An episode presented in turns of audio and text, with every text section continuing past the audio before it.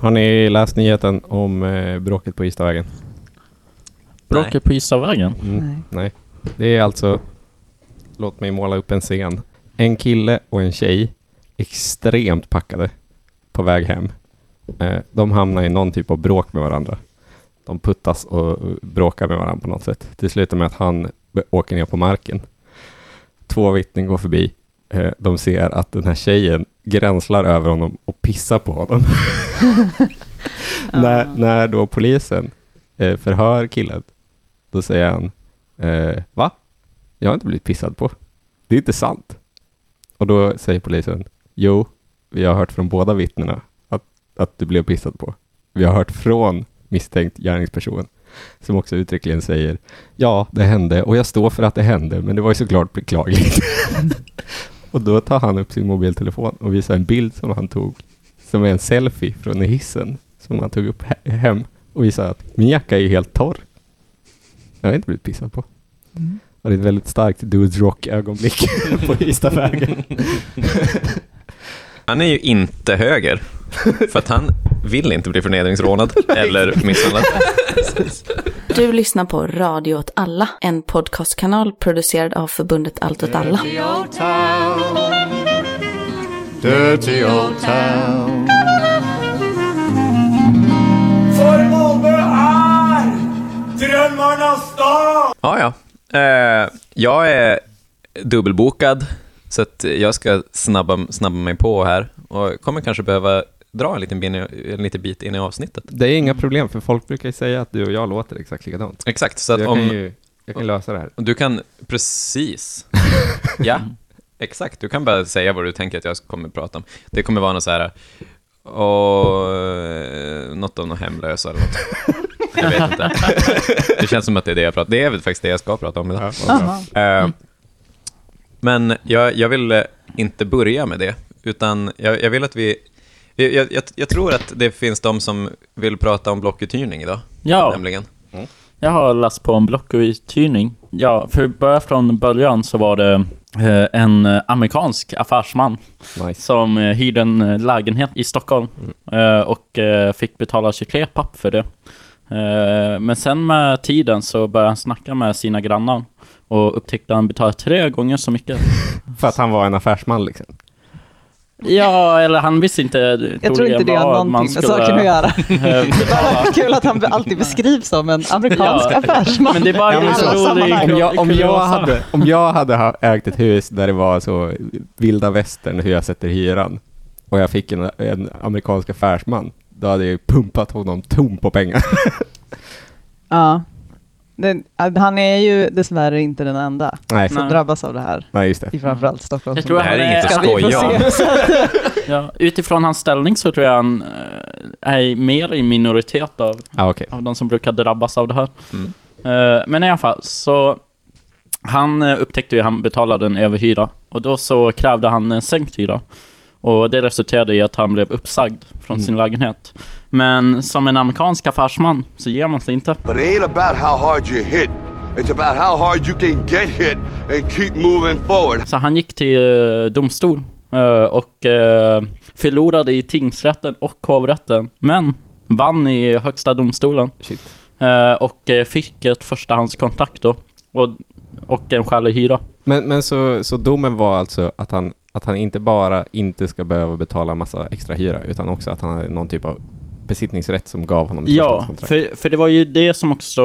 Det var ju därför de kunde säga upp honom. Eh, att han upptäckte att han inte hade förstahandskontraktet när han krävde den sänkta hyran, utan att han hade ett tredjehandskontrakt. För det fanns ett företag som gick in som en mellanhand mellan fastighetsägaren och honom Ja. och satt på andrahandskontraktet. Men så det som domen säger är att, för att det är andrahandsuthyrning är ju lagligt liksom. Men det som domen säger är att fastighetsägaren och eh, förstahandshyresgästen, det vill säga som är ett uthyrningsföretag i det här fallet, de har ett gemensamt intresse och har liksom eh, gemensamt, eh, eller att de har hyrt, de hyr via den här mellanhanden i syfte att andrahandshyresgästen eh, ska, alltså andrahandshyresgästens rättigheter ska kunna kringgås. Det är liksom det, att det finns ett gemensamt intresse hos hyresvärden, förstahandshyresgästen, för att andrahandshyresgästen ska ha sämre rättigheter. Mm. Så. Precis. Och detta tar ju in oss då på det som kallas blockuthyrning. Eh, och det är någonting som kom i lag kring 80-talet. Eh, och eh, det, det är en typ av uthyrning som eh, ja, reglerades då för att kunna möjliggöra för mer korttidsboenden och tillfälliga boendelösningar. För typ inhyrd arbetskraft Ja. och eh, studenter och hemlösa Ja. och alla möjliga. Så det lagen säger att det är myndigheter, institutioner och företag som ska få använda sig av den här blockuthyrningen. Mm. Och det går ju då ut på att en fastighetsägare kan eh, hyra ut sina lägenheter då eh, till de tre aktörerna som i sin tur får hyra ut lägenheterna. Och eh, det som har hänt är att den här blockuthyrningen har ju eh, de senare åren missbrukats eh, enligt Hem och Hyras undersökning. Det har varit privata företag, ibland skapade av fastighetsägarna själva, Mm. som har, har riktat sig mot Mm. alltså vanliga hyresgäster. Och förhoppningen är väl nu att den här domen ska kunna också sätta stopp även för det här. Egentligen så drabbar detta ju alla som eh, inte kan stå i de vanliga köerna Mm. eh, och måste bara hitta någonting väldigt snabbt. Ja, men som liksom är långt från bostadsmarknaden. Om man säger. Ja. Alltså inte ha kötid, inte ha pengar, inte ha kontakter. Och egentligen är det ju alltså för att man ska få lov att hyra ut med, i block eh, så ska det ju vara i ett sånt särskilt syfte. Att det Mm. riktar sig mot en specifik grupp människor. Och det står ju i lagen och det har också fastställts i domstol. Så att det, det här, Hem och Hyra gjorde ju en, har ju gjort en jätte, en, en lång artikelserie som, som handlar om eh, ett fall i Stockholm, jag tror det är en fastighet i Stockholm, en i Sollentuna, som där förra året eh, 100 hushåll vräktes Mm. med väldigt kort varsel för att de Mm. hyrde i ett sånt här upplägg och företag, uthyrningsföretaget som eh, hyrde ut lägenheterna eh, bara, bara skojade liksom. Mm. Eh, och kryddade ju dessutom hyresavierna ganska mycket. Det här har vi inte, vi har ju faktiskt inte sagt det, att eh, det som, blockut, det, det som gör blockuthyrningsmodellen så attraktiv, det är ju att den tillåter en att kringgå hela eh, lagstiftningen egentligen. Alltså att, att hyressättningen blir helt, helt fri i praktiken. Och det var ju det som hade hänt där i, i Häggvik till exempel i Stockholm. Att Mm. man kunde betala 10 000 kronor för en liten, liten, liten etta. Mm. Eh, och du har ingen besittningsrätt. Och, Mm. Ja. Sen tror jag i och för sig, alltså rent eh, rättsligt, att just när det kommer till hyresnivån, så vitt jag förstår det, så om du, så har du liksom rätt till en skälig hyra, även som andrahandshyresgäst, även som hyresgäst hos liksom ett uthyrningsföretag. ja, jo, jo, i och för sig. För, för, Eh, Men, pro- men liksom, eh, det, är väldigt, det ska ju väldigt mycket till att man går till att man går till nämnden och, och, och Ja. eh, begär prövning Mm. av sin hyra när man inte har någon besittningsrätt och kan, Nej. och liksom Och när man är utbytesstudent. Ja, precis. Och liksom det företaget man hyr av eh, kanske också har en överenskommelse med Ja. fastighetsägaren och eh, blockuthyrningen kan ju vara utformad på ett sådant sätt att fastighetsägaren direkt kan säga upp blockhyraren Mm. och då faller alla Ja. dens precis. kontrakt, så alla andrahandshyresgäster Mm. Mm. är liksom helt beroende av det här block eh, hyrarföretag, den, eh, ja, Mm. deras. Ja. Man får man inte glömma bort att, att de, de här båda företagen kan ju ägas av samma person. Ja. Alltså, Absolut, och, absolut. eh, om, ja. Men sen i de, de här eh, extrema fallen i Stockholm där det var liksom 100 hyresgäster vräktes på Mm. liksom en vecka, Mm. typ. Eh, då, då var ju fastighetsägaren, eller så vitt man kan veta i alla fall, var ju fastighetsägaren inte medveten om att eh, det företaget som de hade anlitat för att hyra ut lägenheterna hade sen i sin tur anlitat ytterligare ett företag som sen eh, la ut lägenheterna typ på Facebook Marketplace och hyrde ut till vem som helst.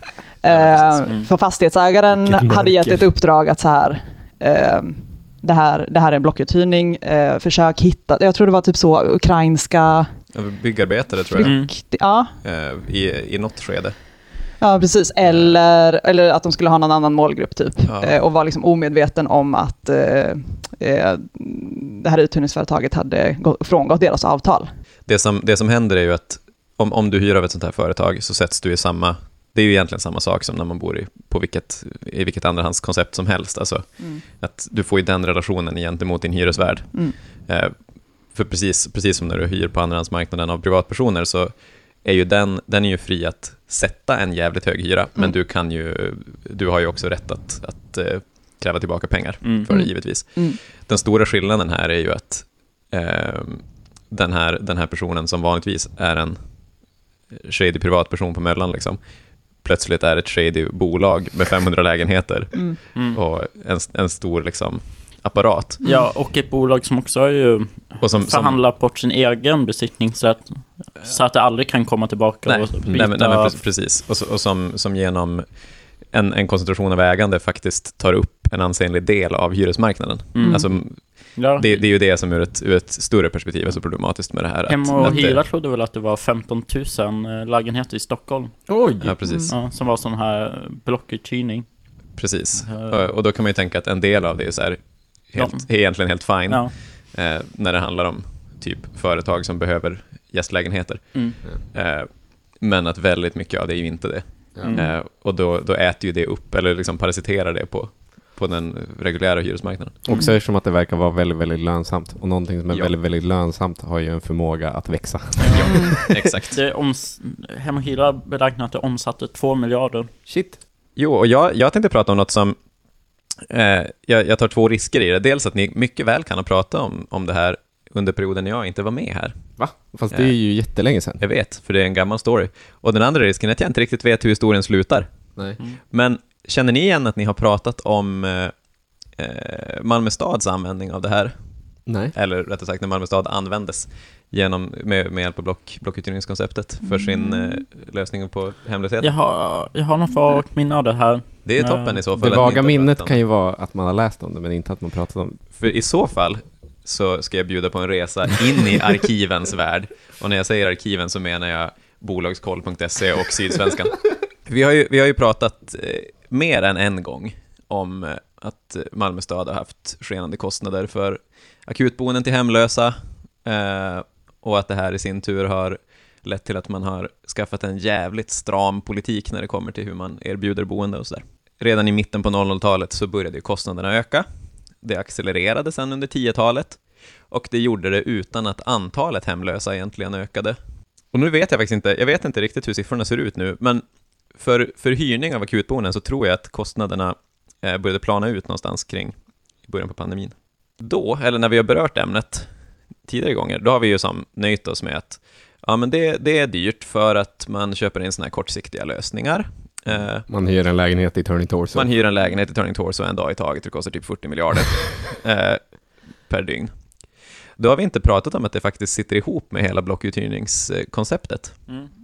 Därför att i alla de här historierna så finns det liksom en liten grupp av företag som har lyckats parasitera väldigt väl på Malmö stad. Ett av de företagen heter APTS Fastigheter, eller APTS Förvaltning, minns inte riktigt. Men det här har vi pratat om. Patrik Persson, den andra Ja. Patrik Persson. Ja. Ni har pratat om APTS? Det här Ja. måste vara länge, länge sedan alltså. Perfekt, men då, Fortsätt. då, blir det en, då blir det en eh, reminder Ja. bara. Med kanske lite uppdatering hur som helst. Mm.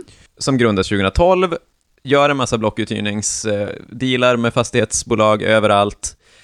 De har också ett sånt bulvankoncept genom att de har ett eget dotterbolag som heter Living Room Hotel som hyr ut direkt till folk och som hyr ut akutboenden. En sak jag aldrig fattar med de här bulvanföretagen. Varför har alla så extremt dåliga namn? Och Eller bra namn. Living Room Hotel. Det, alltså, det, det, det, är så här, det säger ingenting, det är väl det som är schysst med ja. Ja. Maximal bulvan. Precis, och de, de hyr liksom av alla möjliga. De hyr av eh, den enskilde fastighetsägaren på Möllan, de hyr av Akelius, de hyr av eh, Trianon, de hyr av alla möjliga. Eh, Mal Malmö stad köper under en treårstid hur mycket som helst av de här. Placerar alltså akut hemlösa lite, lite här och var på dygnsbasis, men vissa bor kvar längre. 2018, eller ja precis, slutet av 2018, så uppmärksammas det att det här kostar ju jävligt mycket pengar. Mm. Man märker på Malmö, från Malmö stads håll att det är någon, någon slags hål någonstans. Det, kommunrevisionen granskar vad det här handlar om och upptäcker att man har lagt 616 miljoner eh, kronor under en eh, tioårsperiod. 161 miljoner under en ettårsperiod. Vilket är väldigt förvirrande när man googlar på det, för att det är nästan samma siffra. Mm. Eh, Så man tror att till exempel tidningen Dagen bara har skrivit fel. Tid- Är inte det en kristen tidning? jo, det är det, men det, det är en dagstidning. Ja. Det är Sveriges bästa kristna dagstidning. Va- Också vad enda. Kul att de får en shoutout. Ja. Jag vet. Det, det börjar bli skandal. Trianon upptäcker att det här hände ju hos oss. Det hade ju inte vi någon aning om. Just det. Akelius märker att det här hände ju hos oss. Det hade inte vi någon aning om. Mm. Eh, Vad trodde de att de skulle? Ja, Eller vad? ja, men det är väl exakt- också som en dålig... det är exakt samma sak som i Häggviks-fallet. Att det, det, de har block, blockhyrt för att... Jag vet inte Men vad. det, skulle inte det, men det känns ju som att det skulle kunna vara ett giltigt skäl till blockuthyrning. Nej, kanske inte. Ja, hur som, hur, det kan ju vara ett giltigt skäl, men de skulle ha fått berätta det först i så Ja, fall. absolut. Ja, ja, det är... För de- delen är bara att de har massa förstahandskontrakt eh, som, som de sen hyr ut i andra hand till Malmö stad, som i sin tur ah, låter hemlösa vara där. Ja, Och eftersom att, Ja, nej, okej. nej, och eftersom att. Malmö stad har Eftersom ett... att de hyr ut till Malmö stad ja, exakt. som hyresgäst så eh, känns det ju som att det inte borde vara ett, gill, eller liksom ett, eh, ett okej blockuthyrningsavtal. Nej. Och, Nej, och men eftersom, precis. att, eftersom att Malmö stad har, som vi pratade om, de har enligt lag en skyldighet att göra vissa saker, bland annat se till så att folk inte är hemlösa. Mm. Det betyder att de är ju då tvungna enligt lag att betala för att Mm. det inte ska hända liksom. Så då kan ju de sätta hyran hur, mycket, hur högt de vill i stort sett. Precis, för det, det är då man kommer till den här situationen där lägenheter som eh, där förstahandskontraktet kanske går på 7 000 i månaden plötsligt går på 44 000 i månaden. Det är så jävla sjukt Eh, alltså. för att Malmö stad kan, kan, eh, är tvungna Ja. göra det. Dessutom så görs ju det här utan upphandling, Just det. Mm. vilket blir väldigt kontroversiellt eh, och gör att, att man avslutar alla avtal, men att man lika snabbt gör en ny upphandling där alla de här företagen är med igen. Mhm. Där man i, i praktiken säger så här, vi kommer att hyra av er från ert blockuthyrda Mm. eh, bestånd. Ja. Man drar inte ner kostnaden överhuvudtaget. Man, kräv, man kräver inte att det ska bli billigare. Och trots att Malmö stad i en egen intern, inte utredning, vad det nu heter, kommer fram till att man skulle kunna, precis som, som eh, privata, eh, privat, som privatpersoner skulle kunna kräva att få tillbaka pengar Ja. Eftersom man har hyrt till ockerhyror, Ja. så säger man nej, det ska vi inte göra. För att som vi ser det så är vi den starkare parten i det här. Och då kan man inte i efterhand bara komma och kräva tillbaka pengar. ja, just det. Att Malmö stad tycker att det är lite pinigt. Ja. Kan man Det är, sjukt, raderna. det är sjukt när folk bölar om regnbågs eh, Ja. när det här händer. Liksom. Precis, och Moderaterna och Centerpartiet blir vansinniga på det här, vilket jag det är måste helt tycka rätt. är ganska rimligt i sammanhanget. Ja. Men i alla fall, eh, det, gör- det, görs inget, det görs inget med det. Och det är här som den här historien sen blir lite dunkel. Efter 2019 så sägs det egentligen ingenting om vad, hur, hur den här historien fortsätter. Vi vet att Malmö stad skaffar sig egna akutboenden, alltså att de, Mm. de ser till att skaffa sig fastigheter istället för att vara tvungna att göra så här. Mm. Men det är i mina ögon väldigt osannolikt att det täcker behovet. Mm. Mm. Eh, för att de har ju bara två stycken sådana, eller tre möjligtvis. Eh, efter att det var ett som blev räddat nu. Ja, det har väl också varit att Malmö stad har köpt bostadsrätter och sen hyrt hyr Ja, precis, dem. de gör sånt Mm. också. Mm. Eh, men vad vi däremot vet, eh, nu efter att jag har varit inne på eh, sådana här bolagsfaktasidor, är att av de här eh, företagen som, som vann upphandlingen, så har praktiskt taget alla gått i konkurs. Jaha. Det är ännu tydligare om man ser på vilka sorters företag det är, för att det är typ två sorter. Det är å ena sidan eh, vård och omsorgsbolag, sådana som håller på med LSS och sånt. Mm. Så de har ju en bredare verksamhet. De finns kvar allihopa. Sen finns det massor av, eller massor av, typ tio stycken, sådana här eh, små fastighetsförvaltningsbolag som också vinner upphandlingen. Där är APTS ett av dem. Och av dem så har typ alla utom ett har antingen gått i konkurs eller har eh, liksom haft noll omsättning i praktiken de senaste tre åren. Mm. Eh, vilket är väldigt intressant, för det, det får det ju åtminstone, det antyder ju åtminstone att, att eh, det här inte funkar längre. Nej. Eller att Malmö stad har hittat en annan som gör samma sak. Men Ja. hur som helst, att, att den här kontroversen kring slutet på 2019 faktiskt ledde till någon slags förändring. Så det här är, det här är ju lite en, en trevare till eh, längre fram om att ta reda på vad, vad som faktiskt hände där, för det verkar ju liksom som att det... Man vill ju också ta reda på vad som hände med eh, personerna. Alltså som, gottade, som levde gott i smöret. Eh, ja, precis. Han, eh, Patrik Persson eller vad han heter, det, är så, det är så kul att det, anledningen till varför jag minns det här är för att han heter Patrik Persson, samma som fotografen på Sydsvenskan. han, han är i alla fall, han har hoppat av som VD för APTS och är nu eh, VD för något som heter kanske Lilla Ölfabriken eller någonting. så det verkar ganska chill vad som än har hänt. Det pratar vi också om. Ja, just det. Mm. Ja. Ja. Att, han, eh, att han hade en side business som var småskaligt bryggeri. Ah, och nu verkar det som att det är det han ägnar sig åt, Ja. åtminstone om man ska tro på LinkedIn. Jag vet att vi också uppmanar till bojkott. Yes! Ja. Jag har inte tänkt på det sen dess, så det kan mycket väl vara så att Nej. jag har brutit mot den här Jag bojkotten. kommer inte ens ihåg vad det hette. Vad ölet hette. Lilla ölbryggeriet hette ju... Ja, du sa det. Ja, precis. Det borde ju Ja. stå på flaskan, Ja, tänker man. Det, det kan man verkligen tänka sig. Om EU, det måste finnas någon EU-lagstiftning kring det.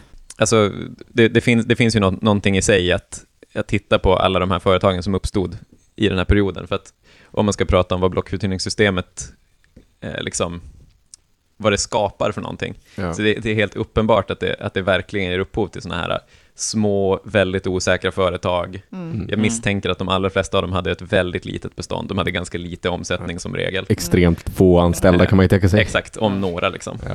Och man Eh. behöver inte heller så många lägenheter för att tjäna riktigt gött. Nej men precis, precis. Speciellt om man är en sån kass motpart som Ja, men alltså så- Ja, exakt. att de är Jag hade kunnat-. Man hade ju kunnat bilda ett bolag som bara ägde ett förstahandskontrakt och hyrde ut det till 44 000. Ja. Ja, exakt. Det Det, var det bara- ganska gött. Nej, det behövs inte mycket mer liksom. Precis. Alltså en, en person som jag, som jag eh, har bott tillsammans med en gång i tiden eh, hade, en, hade varit inneboende en gång hos en, en person som regelbundet hyrde ut eh, sitt sovrum till personer som hade affärer. Eh, och då, då brukade det gå ut, gå ut på det sättet att det kom, det kom folk dit, Hur annonserar då- man det? jag vet det? inte fan, och då gick han helt enkelt ut i köket och tog en tekopp, Ja, kanske satt och spelade lite Playstation, ja det är fett. och sen så, ja, det Ja. var som det. Det här, ehm, de, de två gubbarna som eh, låg bakom det här upplägget i Sollentuna och Stockholm, där Ja. alla hyresgäster vräktes Ja. omgående, eh, de hade ju haft, eh, deras företag som de hade då hette ju Rent Express. Just det. Eh, de hade Också båda. Väldigt uppenbart och, då, och den, och den eh, eh, det företaget som var över dem i den här kedjan av uthyrningar hette Essence of Living, jag. Just det. Nej, vänta. T- nej, det var något holdingbolag. Ja, jag blandar ihop kanske. Men i alla fall, de två eh, tjommarna hade ju innan de startade det här Rent Express båda varit inblandade i, eh, eller haft eh, bolag tidigare som ägnade sig åt exakt samma sak som båda hade gått i konkurs, tror jag. Mm. Bara något år innan. Och eh, de hade fortfarande skulder för att från de här konkurserna med eh, av liksom depositioner som hyresgäster hade Mm. betalat in för att få ett kontrakt och som de sen Ja. inte hade fått tillbaka. Liksom, grejer. Men de, eh, ja, Ja, det, de det, är, gav ju- inte. det är också jävligt lätt att tänka sig att, eh, ja men som i det här fallet, att det, det verkar som att alla företagen är dagsländor. Att Mm. det, också, det säkert funkar så i många fall. Ja, Mm. Att, att de, de finns tills scammen är avslöjad och Ja. sen så kan de flytta sig någon annanstans. Mm. Och, exakt. Brygga öl. Mm. ja, eller, eller ha ett, ett nytt bolag som gör exakt samma grej. But it ain't about how hard you hit. It's about how hard you can get hit and keep moving forward. Har ni, har ni sett eh, att, eh, att, att Jan Roslund ska bli nämndeman? Eh, ja, Ja. Om, Ja. om, Nämnd, Alltså- Nämndemän är alltså det vi i Sverige, alltså i Sverige, svenska rättssystemet så har man ju domare, som är liksom de som kan något. Och sen har man nämndemän som är politiskt tillsatta och som bara är, är, är folk som gillar att sitta i rättegångar och tycka saker. Ja, jag såg ju det, jag scrollade på eh, John Roslunds, eh, jag- vet alla vem John Roslund är? Alltså, Ja, det här har man bra. laget? Podden. Har man hört mer Ja. än ett avsnitt av den? här? Har man, eh, när man moderat går som sitter i tillbaka- kommunfullmäktige och eh, hälsovård och omsorgsnämnden. Om han inte har bytt nämnd efter valet, det har jag inte koll Det på. borde men vi kolla det, upp, alltså. Ja, Han har bland annat upp, eh, hittat på bra grejer såsom nikotingrip, mm. eh, smarta cityträd. Mm. Eh, vad har han mer hittat på? han, har, han har jagat rånare. Var det han ville ha enkelriktade cykelbanor? ja, Eller vill ha- det kanske bara dök upp Nej, han, han vill ha enkelriktade cykelbanor också. Det är ju hans enda bra idé. Och sen eh, varje gång han stöter på eh, klotter när han är ute och tar sina 10 000 steg om dagen, vilket han gör, Mm. eh, då fotar han det och sen ställer han tekniska nämnden till svars Ja. i talarstolen. Mm. Mm. Han är hel, hel god. Han skriver på den här Instagram-posten, det är en selfie då, själva bilden är en selfie, och så skriver han så här. I bilden ser ni en purfärsk nämndeman som precis svurit domareden. Så alla ni busar i närområdet, passa er. Det finns en ny rättsskipare i staden. Och så är det, numera kan man lägga till musik på poster, alltså i flödet. Så det är eh, soundtracket till eh, Den gode, den onde, den fule. Får man göra så här som nämndeman? Får man, får man vara så? Buset måste passa sig, jag är nämndeman nu. Det tror jag. Det är väl ändå ens Ja. jobb på något sätt. Ja, Sen kan ju kanske vad det. buset är ju... Jag tycker det går helt i linje. Med, med uppdraget. Ja. Men, men eh, sen också, eh, alla som lyssnar, passa er för att skräpa ner närmsta fyra åren. Ja, Alltså skräpa absolut inte ner. Det blir dödsstraff på det. Jag har aldrig sett så mycket råttor i Malmö som jag gör just nu.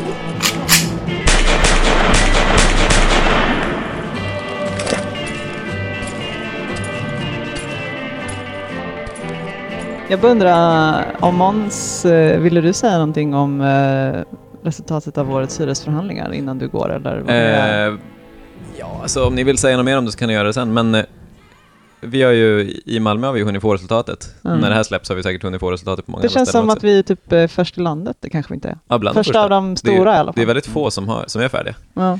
Och vi fick, ja, över hela linjen 5% i höjning, Mm. vilket ju var bättre än 10%. får Fast över halva linjen. För att det är MKB och Fastighetsägarna Syd, Ja, organisation, branschorganisationen Fastighetsägarna Syd. ja. Men eh, tillsam de tillsammans har ju, omfattar ju bara 44 000 lägenheter. Och i Malmö finns det typ 75 000 lägenheter. Ja, Vilket nej, förvånade mig, för jag trodde typ att alla fastighetsägare, privata fastighetsägare var med i organisationen Fastighetsägarna. Ja. Men det verkar ju inte som att så är fallet. Men undrar om det är normerande då? Eller Det, ja, det funderar jag också lite på. Man kan ju att tänka sig att, att de enskilda. det blir svårt för en liten fastighetsägare att komma och kräva någonting annat. Ja, det tänker jag också. Ja. Hur som helst så verkar det som att det är där någonstans det hamnar. Ja. Mm. Och det, eh, alltså vi har ju problem, haft problemet länge att vi har dyrast hyror i hela Sverige. Mm. Eh, och eh, då kan man nog, det, det ska man nog också tänka om man jämför, med, jämför hur det har gått i Malmö med hur det kan gå på många andra ställen. För det verkar ju som att det kommer bli värre Mm. I Mm. många andra ställen. Göteborg till exempel verkar som att det kommer bli riktigt jävla dåligt. Vad var det i Mm. Umeå? 1,5? Ja, någonting sånt. Ja. Det Det kan man ju tänka på. I, I Boden var det ett, ett företag som ville ha 20 procent. ja, jag läste också det. Eh, men då hade de förmodligen jävligt låga hyror också. Jag tror att, jag tror att Fast det, det lät Alltså, också det- som att det bara var att de ville, att de ville liksom jävlas. Alltså, jo, det kändes ju lite som att de ville se För så här, att de vad bara- kan vi göra? Ja, Okej, Hyresgästföreningen sa att vi skulle lägga, göra ett yrkande som är baserat på våra kostnadsökningar, så då gjorde vi det. Så här, Det blev lå- 20 procent. så här låter man inte De fick i som de Boden. ville. Ja, jag tror att det, det är så där storkapitalet låter i Boden, som alltså inte ett så stort kapital. Ehm, Och, så att det var mer som att det liksom var bara, vad ska man säga, en, eh, en ren provokation. ja, ja, Och Hyresgästföreningens eh, representant var typ så, ja, nej, men då har vi i alla fall något att utgå ifrån. Det här kommer bli jättebra, typ. Men så vet alla att det kommer inte bli 20 Nej, givetvis. liksom. Mm. givetvis. Ehm, men eh, alltså, av, av det vi redan vet så är det ju faktiskt eh, det är också lite, det är lite skönt på något sätt att säga att det ingenstans har blivit högre än 5 Ja. än så Mm. länge, av de som faktiskt har gått igenom. Däremot så, alltså problemet på många ställen, som till exempel Göteborg och Stockholm, det är ju att eh, nu har det här gått till nä, nästa instans. Tack. Hyresmarknadskommittén. Ja. Inte hyresnämnden, Jaha. men det kommer... mm, hyresnämnden har ingenting med saken att göra. Nej. Just nu i alla fall.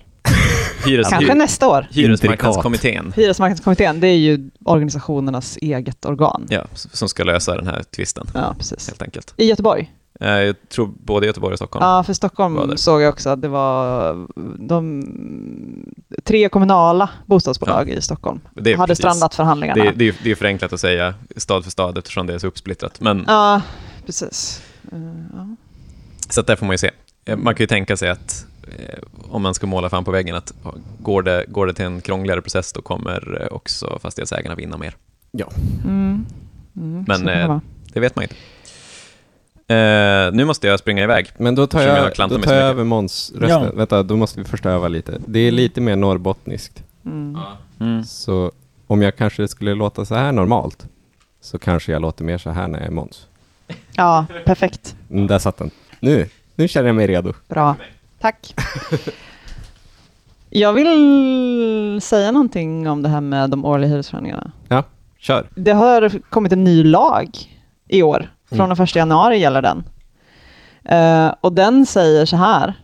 Om eh, parterna i de kollektiva årliga hyresförhandlingarna, alltså Hyresgästföreningen och eh, en hyresvärd eller en organisation av hyresvärdar, båda överens om det, så kan de för att, komma, för att eh, kunna komma överens i den årliga hyresförhandlingen vända sig till hyresnämnden. Hyresnämnden är ju en del av domstolarna, liksom. Ja. Alltså det är ju en domstol. Och det är där, där om, om man har en tvist mellan en, eh, i, liksom, som gäller avtalet mellan en enskild hyresgäst och dens hyresvärd, Mm. så, som då berör alltså eh, jordabalken eh, kapitel 12 om, om hyra, Ja. Då går man ju till hyresnämnd, då han, finns Och- det en viss och domstol som hanterar de frågorna. Hyresnämnden funkar ju också som de andra, de har ju också nämndemän.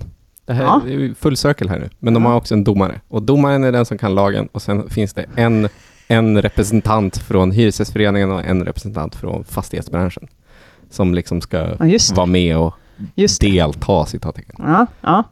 Och det, och, och, så det här blir en väldigt stor skillnad för att hittills när det kommer till just de kollektiva årliga förhandlingarna om hur mycket man ska justera upp hyran. Mm. Eh, den frågan har liksom inte haft någonting med, alltså hyresnämnden har inte haft någonting att göra med den. Det är Nej. liksom inte deras jurisdiktion om man säger. Det finns ingen, det är ju, för det är ju, det är ju ett avtal. Ja. Liksom. Det, det, det har ingen... eh, Men, men Eh, om hur, hur stor, hur, hur mycket hyran ska höjas. Det är Ja. ju liksom bara en, det är en förhandling, en överenskommelse, ett avtal som två organisationer skriver med varandra. Så, så eh, tillsattes det en utredning eh, som det ju gör för att man eh, såg att det kanske inte gick så himla bra i de årliga hyresförhandlingarna. Det gick inte så smidigt, man visste inte riktigt vad det var man skulle prata om, det drog ut på tiden och som vi ser nu i, i Stockholm och Göteborg, man har den här hyresmarknadskommittén som eh, allt oftare kanske då används för att parterna kommer helt enkelt inte överens. Och det där är ju, alltså jag tycker det är lite, Mm, den här personen som har gjort den här utredningen ehm, eh, skriver ju också det i, i det här dokumentet, att men sen 2011, när eh, liksom eh, Före 2011 så var ju de kommunala bostadsbolagens eh, hyres, eh, årliga hyreshöjning blev liksom normerande för alla. Ehm, Efter 2011 så ändrades lagen och så var de inte det längre. Och då eh, skriver han så här, ja men eh, det är liksom lite oklart vad de årliga hyresförhandlingarna ska syfta till. Man vet inte vilka kriterier man ska utgå ifrån. Så här, vad är det som ska leda till en höjd hyra? Vad ska leda till en inte höjd hyra? Eh, och sen också det här att eh, det är en konstig situation därför att Hyresgästföreningen i praktiken har en vetorätt mot hyreshöjningar och hyresvärden i praktiken har en motsvarande vetorätt mot hyressänkningar. Mm. Alltså att de kan i princip bara säga nej, liksom.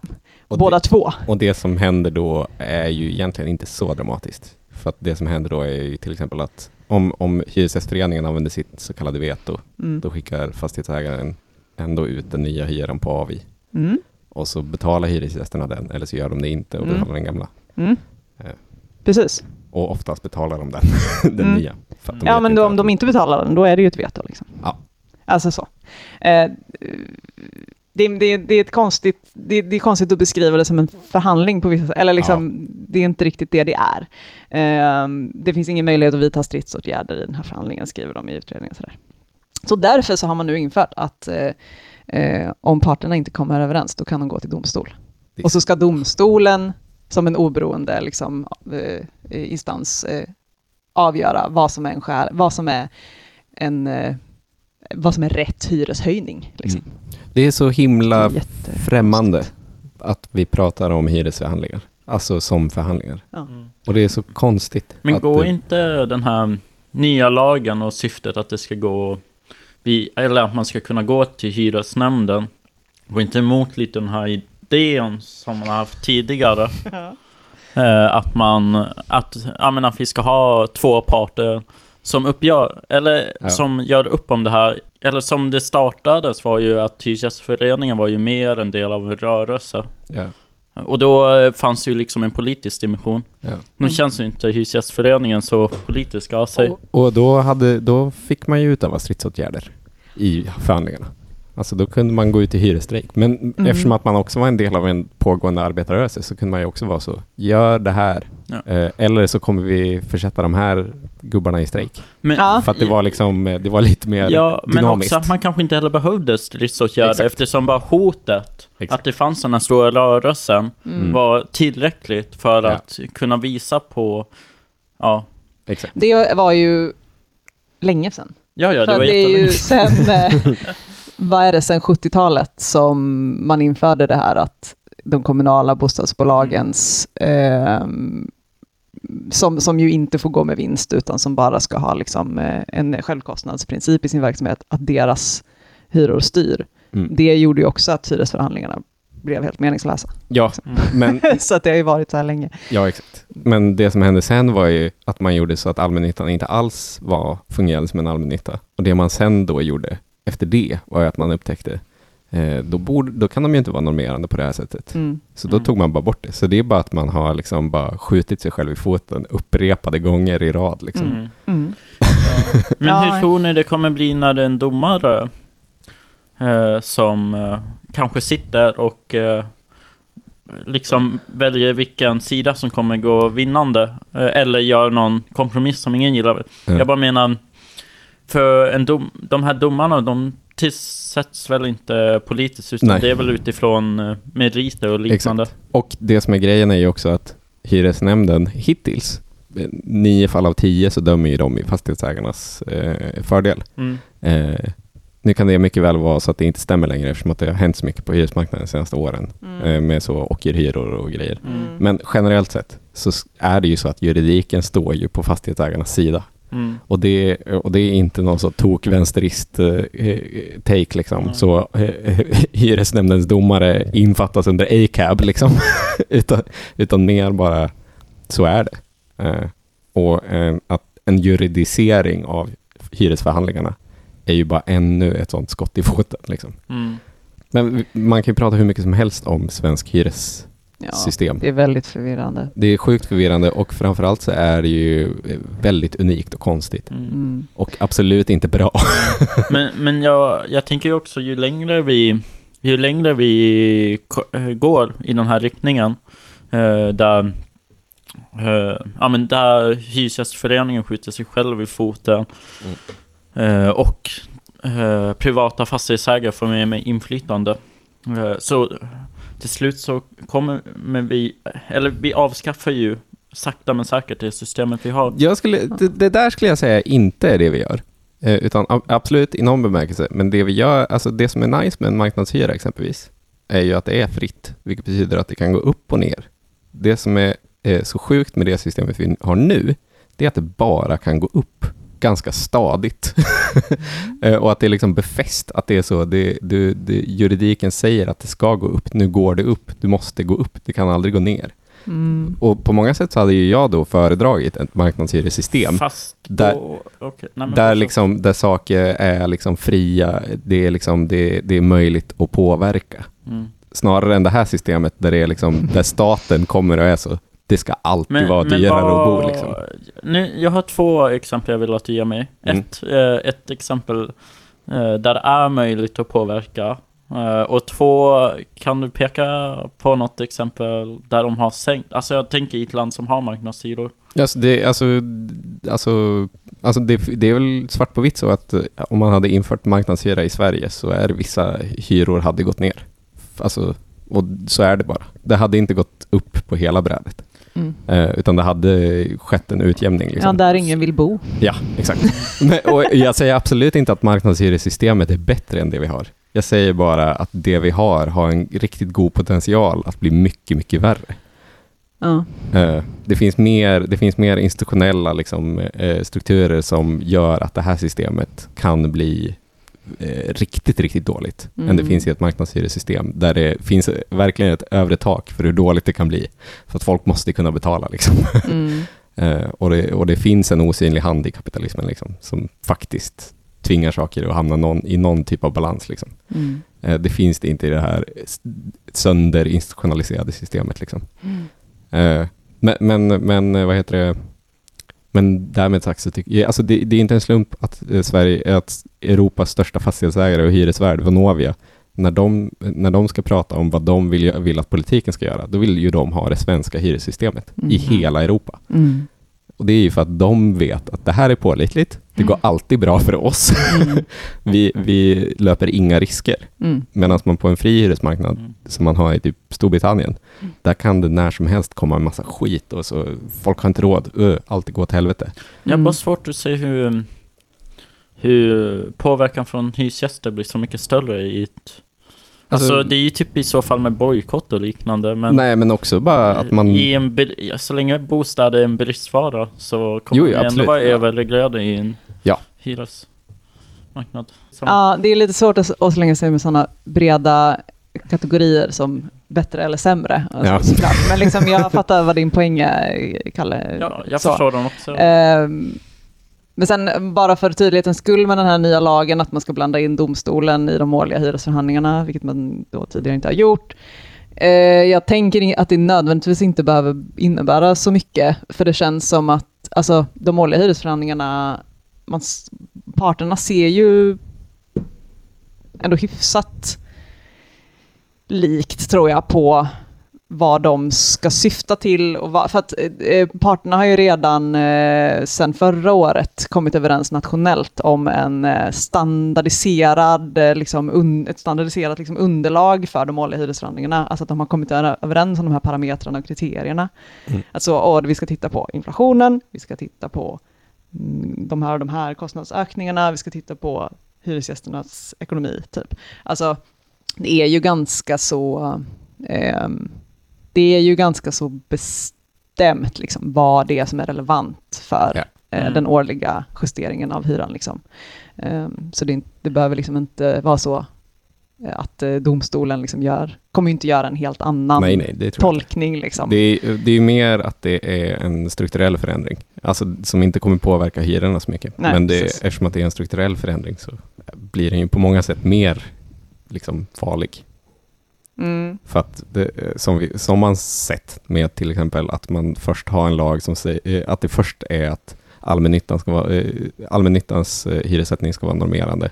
Sen börjar allmännyttan bete sig på ett helt annat sätt enligt lag än de hade gjort innan. Så då tar man bort att allmännyttan ska vara normerande. Mm. På samma sätt kom, är det ganska lätt att säga att, så, eh, att man kanske om fem, sex år kanske kommer fram till att ja, men de här hyresförhandlingarna, de kommer ju ändå bara fram till exakt samma sak som eh, hyresnämndens domare. Mm. Så då, då behöver vi inte ha de här förhandlingarna överhuvudtaget. Det, det går direkt till domaren. Och sen Mm. ändrar man liksom hyressystemet så att det kanske på något sätt Ja, jag vet inte. Det, det är ganska lätt att sia om hur det här kan gå Ja. helt åt helvete. Mm. Jag tänker i ett första läge så funkar ju de här, kan ju de här domarna bara funka, eller eh, möjligheten att gå till hyresnämnden funka som eh, ett bra hot Mm. eh, Ja. från fastighetsägarnas sida. Exakt. Att det kan ju få hyresgästföreningen att vika sig. Fastighetsägarna har plötsligt fått en stridsåtgärd som Mm. är att gå till pappa. Ja, för liksom eh, på ett sätt, det som, nu har de kommit överens i Malmö och, och både eh, Hyresgästföreningen och Fastighetsägarna och MKB säger ju att eh, ehm, eh, hyresvärdarna menar ju att eh, en 5% höjning absolut inte räcker. Ja. Alltså att det är verkligen så, nej men alltså det här kommer inte täcka våra kostnadsökningar. Ehm, så att, jag menar om det är man skulle kunna tänka sig att en, eh, en eh, domstol hade gått mer, alltså att det hade kunnat vara till fördel för fastighetsägarna. Jag har svårt Eh, att om det nu är så, om man tittar på siffrorna på det sättet. Liksom. Ja, Jag har ju svårt att tänka mig att en domstol kommer tänka så här, nej men de här fastighetsägarna har gjort tillräckligt med vinst. Nej, precis. Alltså, ja. Lite så. De kollar på Ivar Tollefsens villa och är så, nej.